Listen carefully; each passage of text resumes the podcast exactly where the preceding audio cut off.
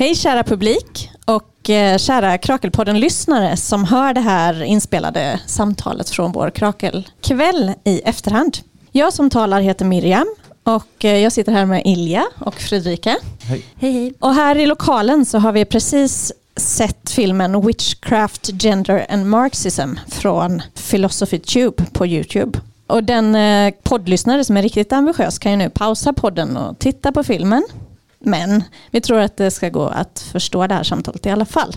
Vi kommer att referera en del till den, men hela tiden utgå från att man inte ska behöva se den. Jag ska dock säga någonting. Den här filmen är gjord av Abigail Thorne eh, som gör Philosophy Tube. Eh, men den eh, är gjord innan hon kom ut som transkvinna. Och eh, vi kommer referera till henne då eh, som Abby som hon heter. Så, så förstår ni som har sett filmen varför vi kallar henne för Abby. Abby då, hon berättar hur hon har förändrat sin syn på häxprocesserna efter att ha läst Silvia Federici som ju är en krakelfavorit. Eh, och den här boken Caliban and the Witch refererar en del i filmen. Och hon säger om häxprocessen att ja, hon slutade att tänka att de bara var upphörda därför att eh, folk blev upplysta. Först var de, trodde de på magi och då höll de på med häxprocesser och sen blev vi upplysta och slutade. Utan att den här saken med häxprocessen är mycket mer komplex än så. Att den eh, hänger ihop med centrala frågor som hur familjelivet har strukturerats och eh, organiseringen av den tidiga kapitalismen.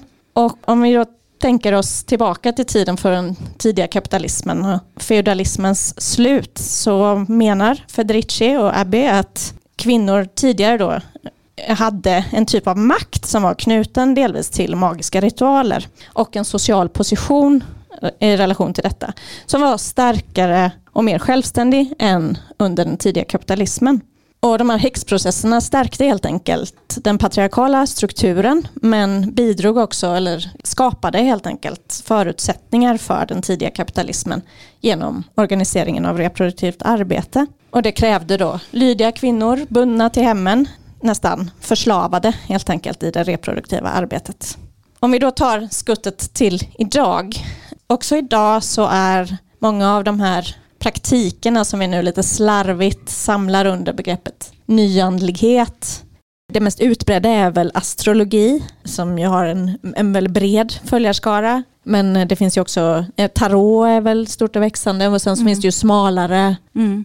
ja, hållningar där man lever. Reiki är väl en av de lite mer extrema. Alltså reiki då när man lägger eh, olika energi, alltså typ så energimassage typ. Ja precis, hela yogakulturen är ju också en slags, eller det finns mycket nyandlighet i den. Men jag tänker också på kanske de som lever eh, som praktiserande häxor eller så, det är ju kanske en smalare. Men, eh, Mm. men jag tror att vi har bakat ihop allt detta i ett, vilket ju förstås de som kanske befinner sig i den världen tycker det är för slarvigt. Så då får vi be om ursäkt. Ja. Men det är någonting som framförallt är en kvinnlig och queer praktik. Kan man också idag förstå det här som någon slags motståndshandling mot den patriarkala cis-sexistiska ordningen, tänker ni? Alltså jag skulle säga att i de delarna av den världen som jag tar del av mest då kanske sociala medier och vänner och så, så finns det inte särskilt en, det finns inte en uttalad så här politiskt, liksom vi gör det här som ett eh, motstånd mot patriarkatet eller kapitalismen. Men alltså för några år sedan var det en, Eh, jag vet inte riktigt var den kommer från från början, men det var en sån här liten illustration som var, cirkulerade på internet där det stod eh, We are the granddaughters of the witches you tried to burn. Eh, eller något sånt. Och i, det finns det ju absolut en, en liksom motstånd så. Men jag skulle säga att inte så mycket uttalat. I alla fall inte vad jag eh, har sett. Men om man tänker då på det mer outtalade i dynamiker och spänningar. Lite skämtsamt i eh, beskrivningen av den här kvällen så pratar vi om rational dudes. Och Abby beskriver ju att hon själv också har varit någon slags så hårdför eh, ateist, eh, edgelord. Och, ja, men om man tänker att eh, det i modernismen, västvärlden, så finns det en väldigt dominerande berättelse som bygger på ett antal dikotomier som är välkända. Natur, kultur, förnuft, kropp, barbari, civilisation, irrationalitet, vetenskap och så vidare. Det vita Europa mot det inte vita Europa. Om man då tänker att de här dikotomierna framförallt kanske upprätthålls då av förnuftiga, inom citationstecken, civiliserade inom situationstecken, män inom situationstecken från det vita Europa. Att då ifrågasätta de här dikotomierna eller vilja rubba på dem, det är kanske något annat än att um, själv förstås man behöver inte själv vara eller bli, bli beskriven kanske som irrationell, ta ställning för barbari, vilket kanske då den här rational dude-sidan vill tillskriva ändå, för om man väldigt hårt upprätthåller tron på de här dikotomierna. Ja, jag vet inte, kan man förstå den här konflikten ur ett feministiskt perspektiv mer på det sättet?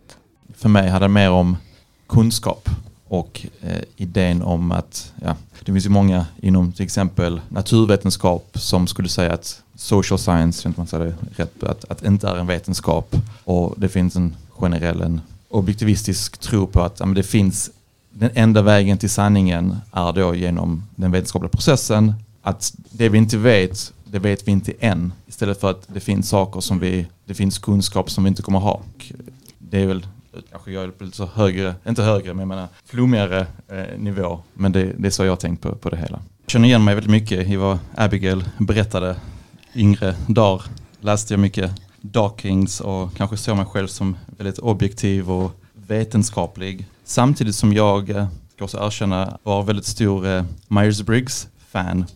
Um, för er som kanske inte känner till det, det är en personlighetspsykologi-teori som psykologivärlden ser som astrologi i, i samma bemärkelse. Jag skulle säga att jag, eh, jag tror att motståndet kanske inte alltid är eh, explicit. Eh, människor formar sina tankar, värderingar utifrån identitet, rationalitet, grupptillhörighet. Och vi har ju lite idag, alltså man kan se astronomi, rymden, det är någonting som, som killar sysslar med om man ska ta det lite grovt. Och det är lite för mig också fascinerande att det skapar så mycket känslor om man pratar med, om astrologi med någon som kanske identifierar sig själv som väldigt rationell. Det är väl ganska snabbt, eh, ja, det upprör väldigt mycket.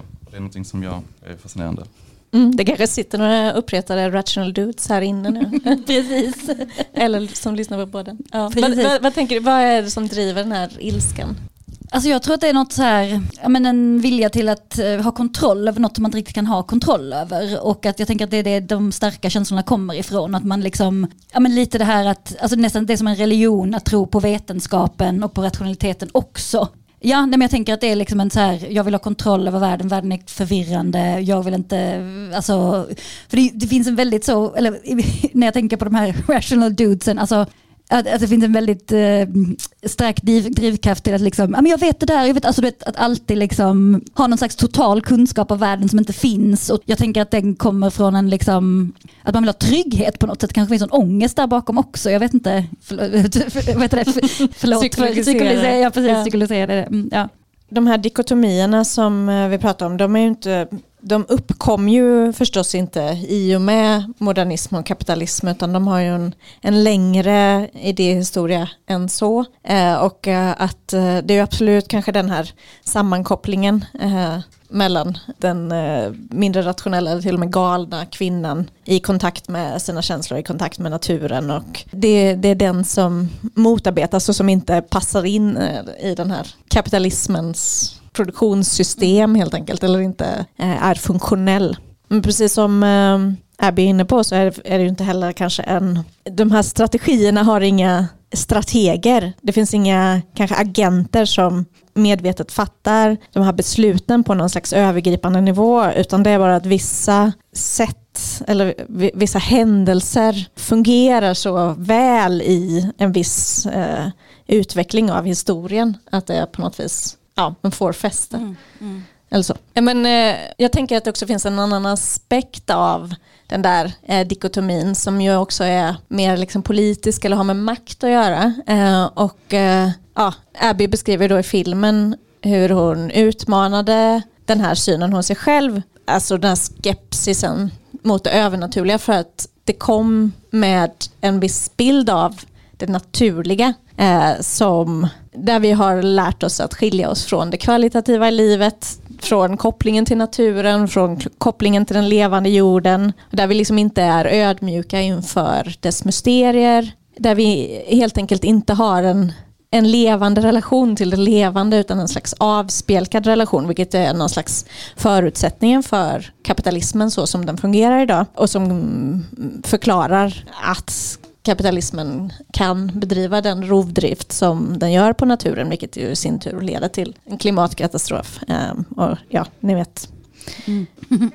Men uh, ja, är det rimligt att göra den kopplingen att det här med den här typen av tänkande också relaterar till den här fundamentala ideologiska grundvalen för kapitalismen eller det för, drar det för långt? Det tycker jag absolut. Bara en anekdot. Jag har en, en vän som, Kanske den person jag identifierar mest med rationaliteten och tron på kapitalismen och eh, för honom det är inte att han är klimatförnekare, inte alls, utan för honom så spelar det inte alls någon roll om eh, vår civilisation går under eller om det blir total ekokollaps för att men, planeten kommer finnas, universum kommer finnas. Så utifrån materian, alltså vad spelar det för roll om vi inte finns eller om massa djur eh, eller ekosystem eh, dör ut eller kollapsar. Ja, det är sant antireligiös hållning får man säga. Mm. Men, men verkligen. Och, och, och, för mig tänker man då på, ska man gå bakåt i det och, och titta på filosofiskt, eh, René Descartes, en filosof och för honom, han byggde ju sin eh, dualism,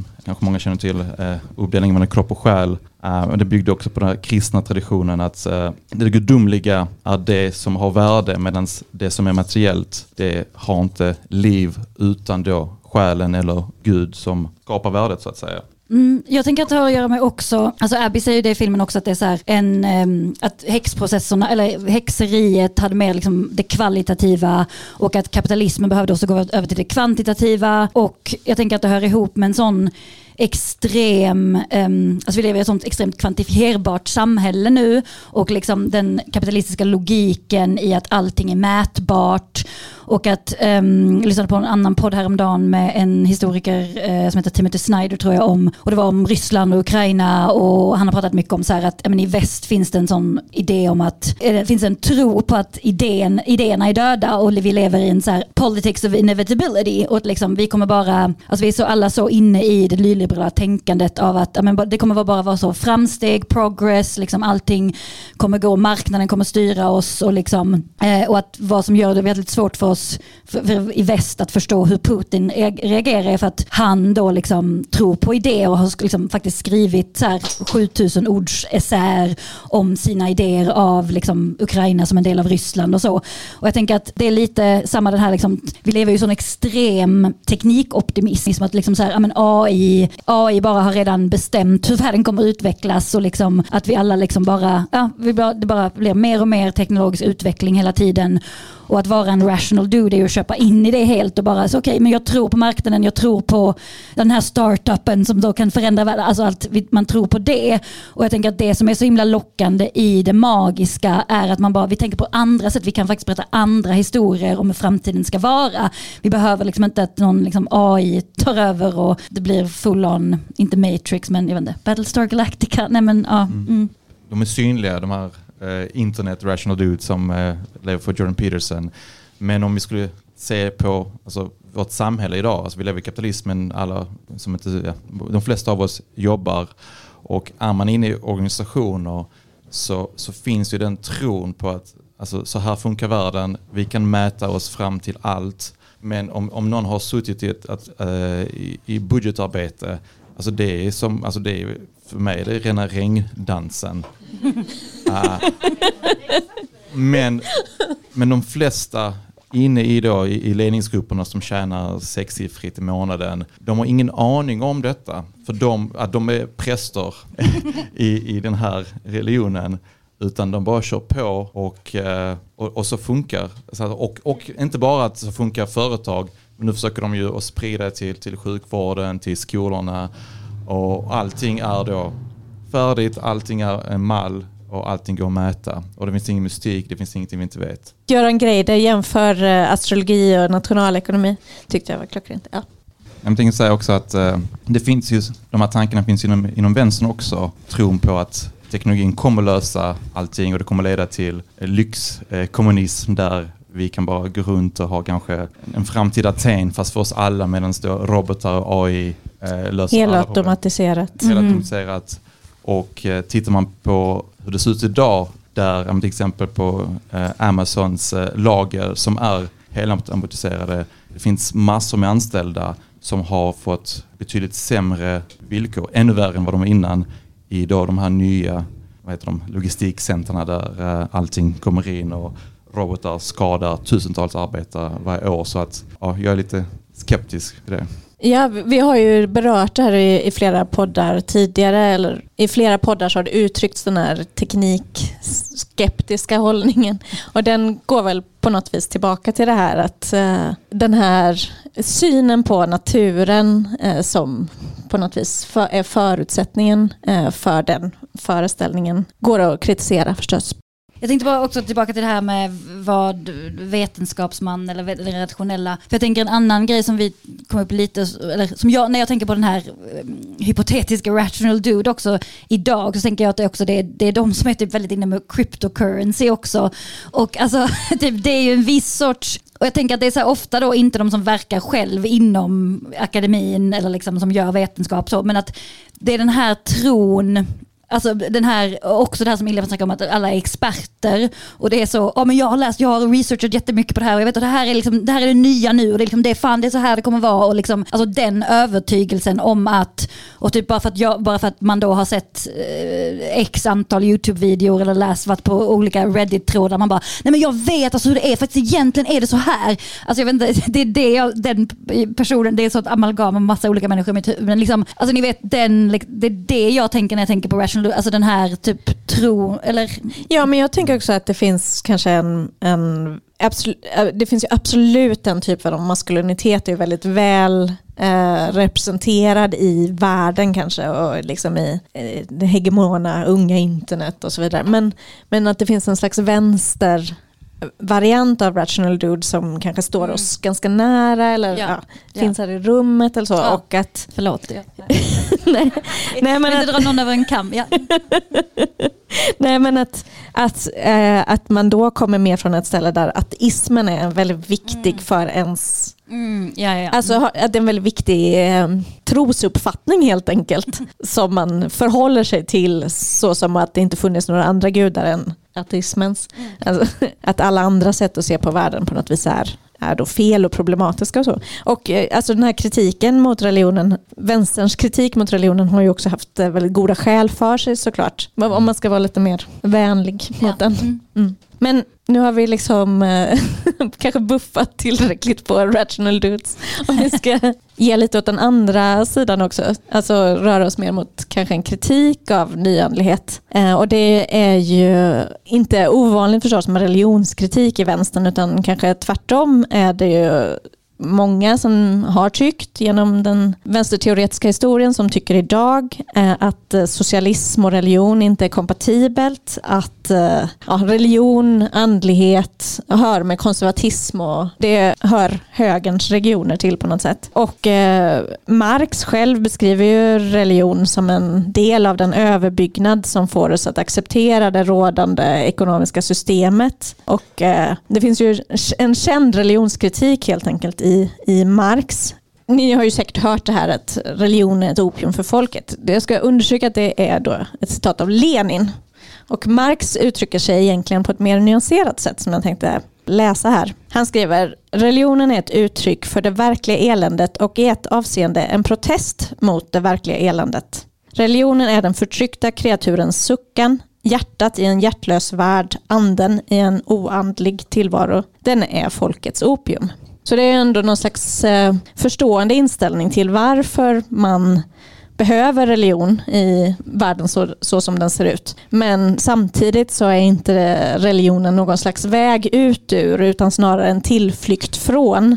Så även om religionen liksom innehåller hoppet om någonting annat och då räknar vi liksom in nyandligheten kanske i det så är det trots allt en tillflykt och därmed en, en risk som innebär att vi kanske inte tar tag i problemen som de faktiskt ser ut. Och så. Kan det här gamla, den här gamla religionskritiken också hjälpa oss att förstå nyandligheten av idag? Det tror jag absolut. Och jag tror att alltså jag tror en stor, en stor anledning till att det är så många alltså nu, förlåt nu sitter jag och psykologiserar, psykologiserar igen och kan bara säga att jag, nu andra gången jag såg filmen nu så eh, det var intressant att Abby också tar upp Foucaults eh, Technologies of Self och liksom tänker att allt har att göra med hur olika sätt vi arrangerar, alltså olika sätt vi tänker på oss själva som subjekt och hur, hur vi förstår oss själva och jag tror att det är många som mår jävligt dåligt. Um, och för dem, alltså jag tror att nyandligheten blir ett sätt att ta sig ur det. Precis då som, Eh, eller inte kanske ta sig ur det helt men att liksom, jag tänker att det har lite samma funktion där som eh, Marx beskriver att religionen har för att, inte dämpa, men, men liksom ett, ett sätt att copa helt enkelt, att liksom försöka göra det lite lättare. Jag tänker att i en extremt individualiserad tid när vi bara så här vi alla är liksom tävling mot varandra, man har bara sig själv, man själv är den enda som kan, liksom, ja, men välfärdsstaten nedmonteras. Eh, jag menar, vi har ju fortfarande ganska bra här i Sverige, men typ USA där vi vet att mycket av vår populärkultur kommer därifrån och de här influenserna kommer därifrån också. Jag tänker att då blir liksom ja, men om man inte har tillgång till terapi eller till vad som helst. Alltså att då kan man hitta väldigt mycket i de här världarna som jag tror kan hjälpa en väldigt mycket. Och inte med det sagt att det är 100% bra eller 100% dåligt. Jag menar, jag tror bara det är ett verktyg. Liksom. Eh, och det som vi har pratat om tidigare podd också om liksom, psykoanalysen som egentligen också är ett sätt att berätta historier om sig själv och sina upplevelser och försöka förstå dem. Och jag tänker att det är det som den här nyanlända gör väldigt mycket. Jag kan inte låta bli att tänka att om man då använder den här analysen, eh, marxistiska analysen av att här finns religionen är på något vis eh, också eh, en del av överbyggnaden. Det är ett sätt, det hänger samman med vår generella ideologi, det är ett sätt att få sig att acceptera eller inkorporerat i alla fall i vårt sätt att leva med det ekonomiska systemet.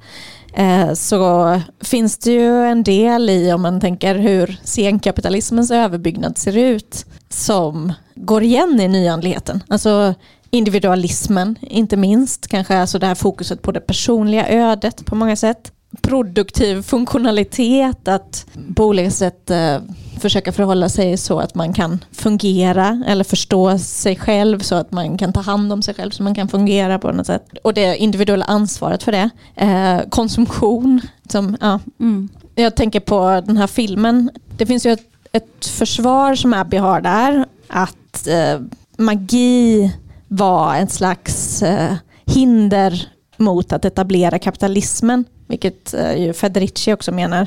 Och att det bland annat berodde på att magi innehöll ett löfte om någonting, att man ska få någonting mer än det man har. Ett löfte om en värld utan arbete och stränga regler, en värld utan gränser och ja, allt det som krävs för att liksom upprätthålla kapitalistisk produktion. Och så har hon ett citat där. Witches are a non-consumer category.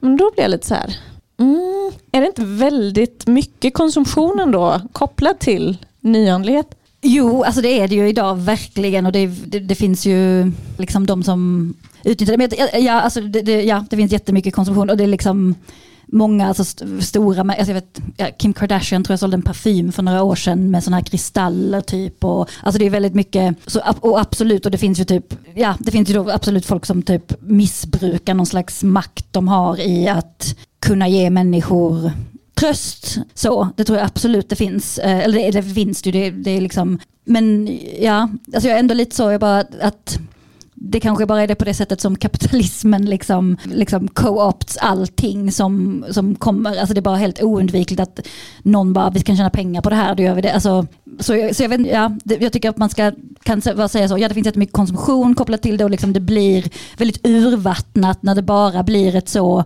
ja men typ H&M säljer ju också jättemycket astrologitröjor eh, eh, då som säkert har gjorts i, av någon barnarbetare någonstans. Alltså liksom det är verkligen, och så, jag vet, men jag vet inte, och, och det, fin det, finns ju också, liksom, det blir farligt också när det går in i så här typ kanske för mycket alternativmedicin och människor som liksom slutar äta antidepp efter 20 år på antidepp och sen så för att det, det är så dåligt att vara på medicin, alltså liksom, och, så går in i liksom grova psykos. Alltså det, det är liksom, jag tror det finns, det, det, finns ju den risken där väldigt mycket som man absolut måste erkänna. Men jag vill ändå vara lite, liksom, inte positivist, det är ju helt fel, men liksom ändå att jag bara så här, det finns något, för det finns en jag um, följer på um, Instagram som heter softcore understreck Trauma som eh, skriver mycket om att leva med trauma och jobba med det och använder bland annat tarot för det och liksom hon har um, eh, som sin tagline så healing ourselves so we can heal the world. Och jag vet inte, det är typ, um, jag vet inte, det får mig också nu tänka på andra grejer vi pratat om i krakelpoddar och liksom psyket i kapitalismen och så här om att liksom vi alla mår så, eller många mår så himla dåligt, ingen orkar organisera sig, ingen liksom kommer inte ens fram till det där liksom agensen av att eh, ta sig någonstans, alltså, eller att göra någonting. Så jag vet inte, man kanske ändå kan göra en liten reparative reading och liksom ta de här grejerna och bara, okay, men hur kan vi kombinera det med något slags politiskt medvetande och bara, okej, okay, bara för att jag tror på, eller det som står skrivet i stjärnorna behöver inte betyda att vi inte ska gå ut och rösta och organisera oss, men liksom använda det för något slags, ja, liksom produktivt, eller ja, produktivt är helt fel ord för att det, ja men ni vet, någonting genererande av mer politiska agens och ja. Jag tänkte också om jag ska spinna vidare på det vi har pratat om med många, många tjänar pengar på människor som mår, mår dåligt. Och eh, nu har vi ändå kritiserat modern, modernismens eh, övertro på sin egen rationalitet och eh, att det finns en sanning. Så betyder ju inte att det inte finns något som är sant och att det inte mm. finns någonting som har värde och att det, det finns någonting som är fel eller inkorrekt. Och, och, idag har vi väl en, en marknad eller en basar av, av idéer där den som skriker högst är ju den som äh, får uppmärksamhet eller den som har fått 100 miljoner av Spotify för sin podd. Lite så. Jag läste en, en krönika nyligen där jag gillade eh, titeln Joe Rogifieringen av, av samhället där helt plötsligt alla är en expert på, på någonting. Om det är, helt plötsligt känner jag många som har en, en, en doktorand i molekylärbiologi och kan allting om corona eller nu eh, har eh, läst tydligen hundra böcker om hur eh, man ska militärt försvara ett land. Och eh, det finns också en övertro kanske på sig själv att jag kan allting och jag ska inte lyssna på experter och jag ska inte lyssna på någon annan. Och det är någonting också som jag ser en, en konsekvens av, av det vi, vi pratar om här. Mm. Det var lite positivism där. Mm. ja, men eh, det är klart att att det går inte att helt eh, undvika heller den poängen som eh, ju också Abby gör. Att det är klart att eh, allt det som världen har givit oss i form av hjärnkirurgi och allting där fram till dit har ju förstås med den här synen på vetenskaplighet att göra och det är kanske ingenting som vi vill överge. All vetenskap är ju inte positivistisk såklart. Det finns ju olika vetenskapliga, alltså det finns ju inte heller en definition av vetenskap, det är också en strid inom, inom vetenskapssamhället såklart, mellan olika uppfattningar. Men om vi ska röra oss lite då mot en syntes som vi har varit på, lite på, både på ena och på andra sidan, eh, så tänkte jag faktiskt på ett, eh, ett engelskt som eh, kommer då från den här tiden av extremt hård för religionskritik egentligen.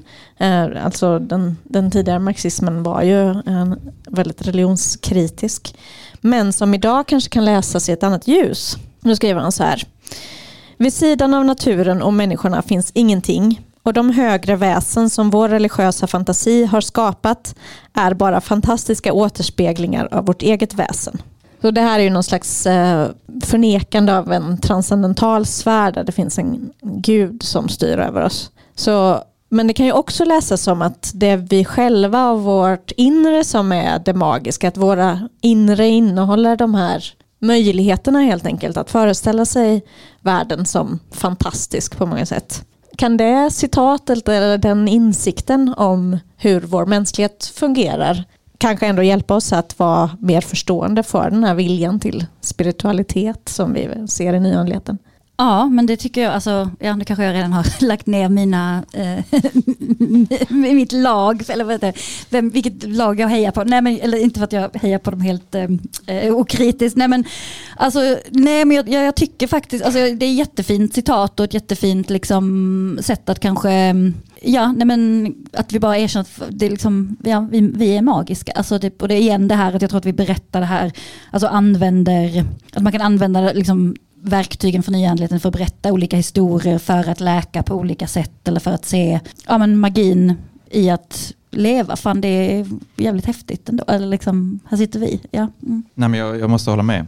Um, och om man ska återvända till dikotomierna som, som du nämnde Miriam och då den här vännen jag nämnde som inte alls bryr sig om ekokollapsen som, som är på ingående. Då vill jag nämna en, eh, en filosof, eh, Giordano Bruno, som jag lärde mig om i en fantastisk bok av Jonna Bornemark eh, som heter Det omedelbaras renässans. Och Bruno levde på 1500-talet och faktiskt brändes på bål av den katolska kyrkan 1600. Han var bland annat först med och eh, tro på att universum var oändligt. Och för Bruno så, alltså man kan säga att han förutspådde min, min väns eh, syn på livsträneringen av, av naturen och eh, livet och eh, bortkoppling av det magiska som vi har idag. För att hans kritik som var då mot den kristna tron på uppdelningen av dualismen mellan då kropp och själ som då Descartes utvecklade i sin filosofi senare. Han såg eh, världen annorlunda och för honom så handlar det om principer och i en princip så handlar det om att någonting rörs eh,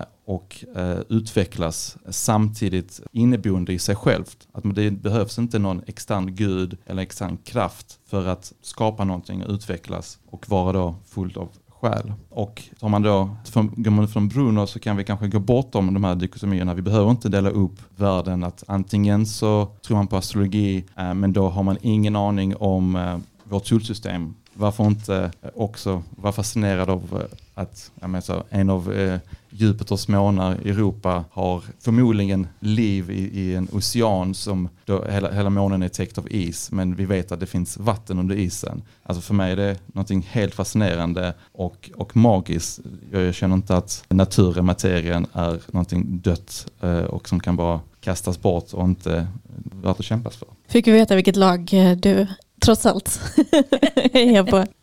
Abby nämner ju det lite i förbifarten där nästan hur eh, till exempel eh, slavarna i USA eh, ja, men, eh, använder sin spiritualitet också som en motståndshandling och som en överlevnadspraktik. Och, så här. Och, och det är klart att det, att det finns eh, många sätt att förhålla sig till det spirituella som inte går att förenkla till den här nyandligheten som vi, som vi pratar om idag, alltså astrologi, tarot och så vidare. Ehm, och som har det här mer liksom holistiska sättet att se på relation mellan liv, jord, människa, eh, universum och så vidare. Och så, som inte heller passar i kapitalismen och som därför är någon slags, kan innebära en plats för motstånd.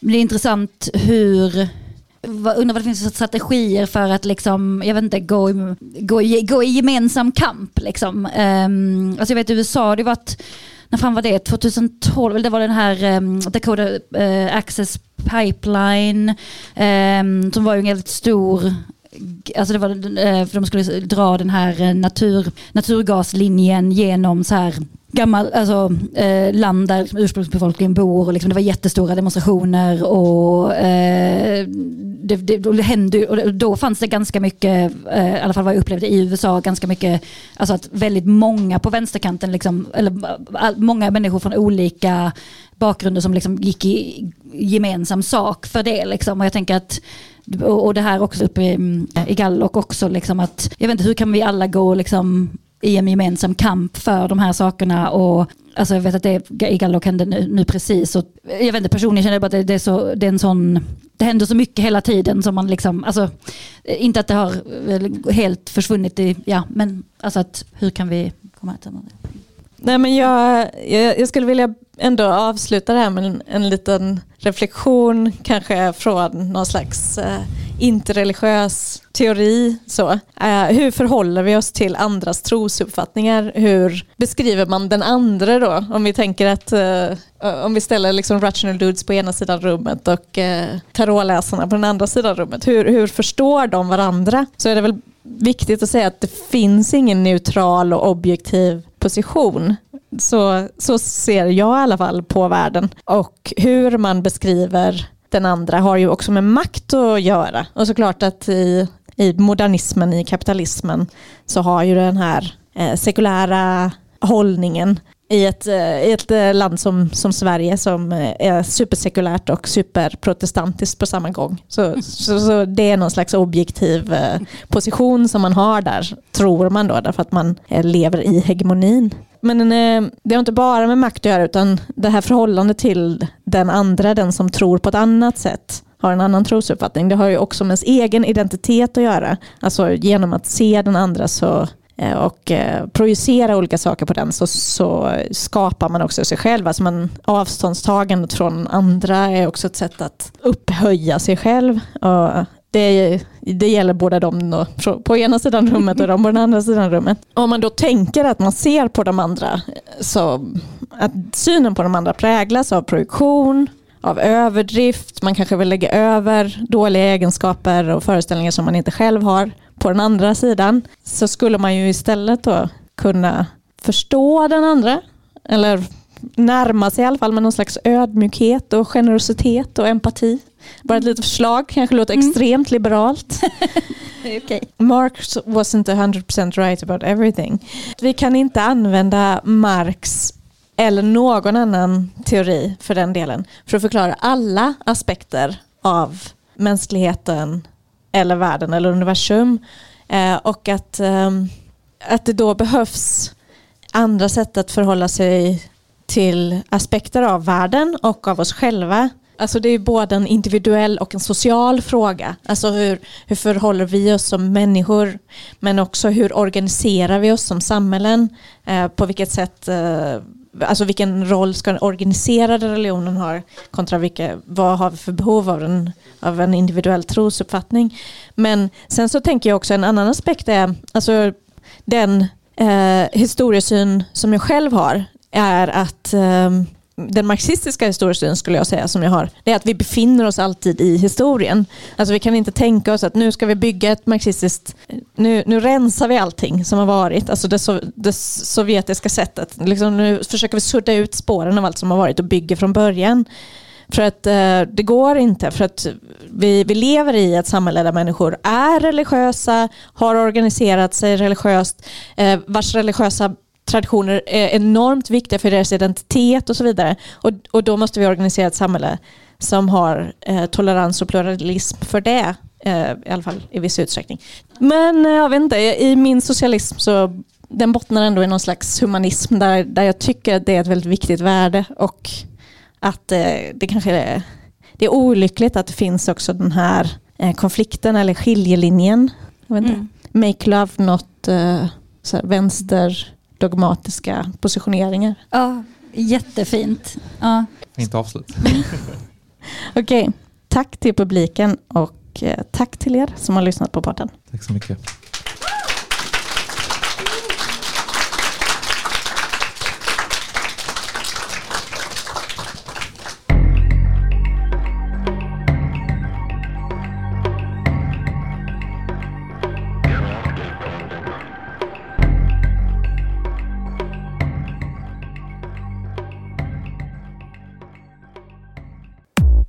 Du har lyssnat på en podcast som görs i samarbete med ABF Malmö.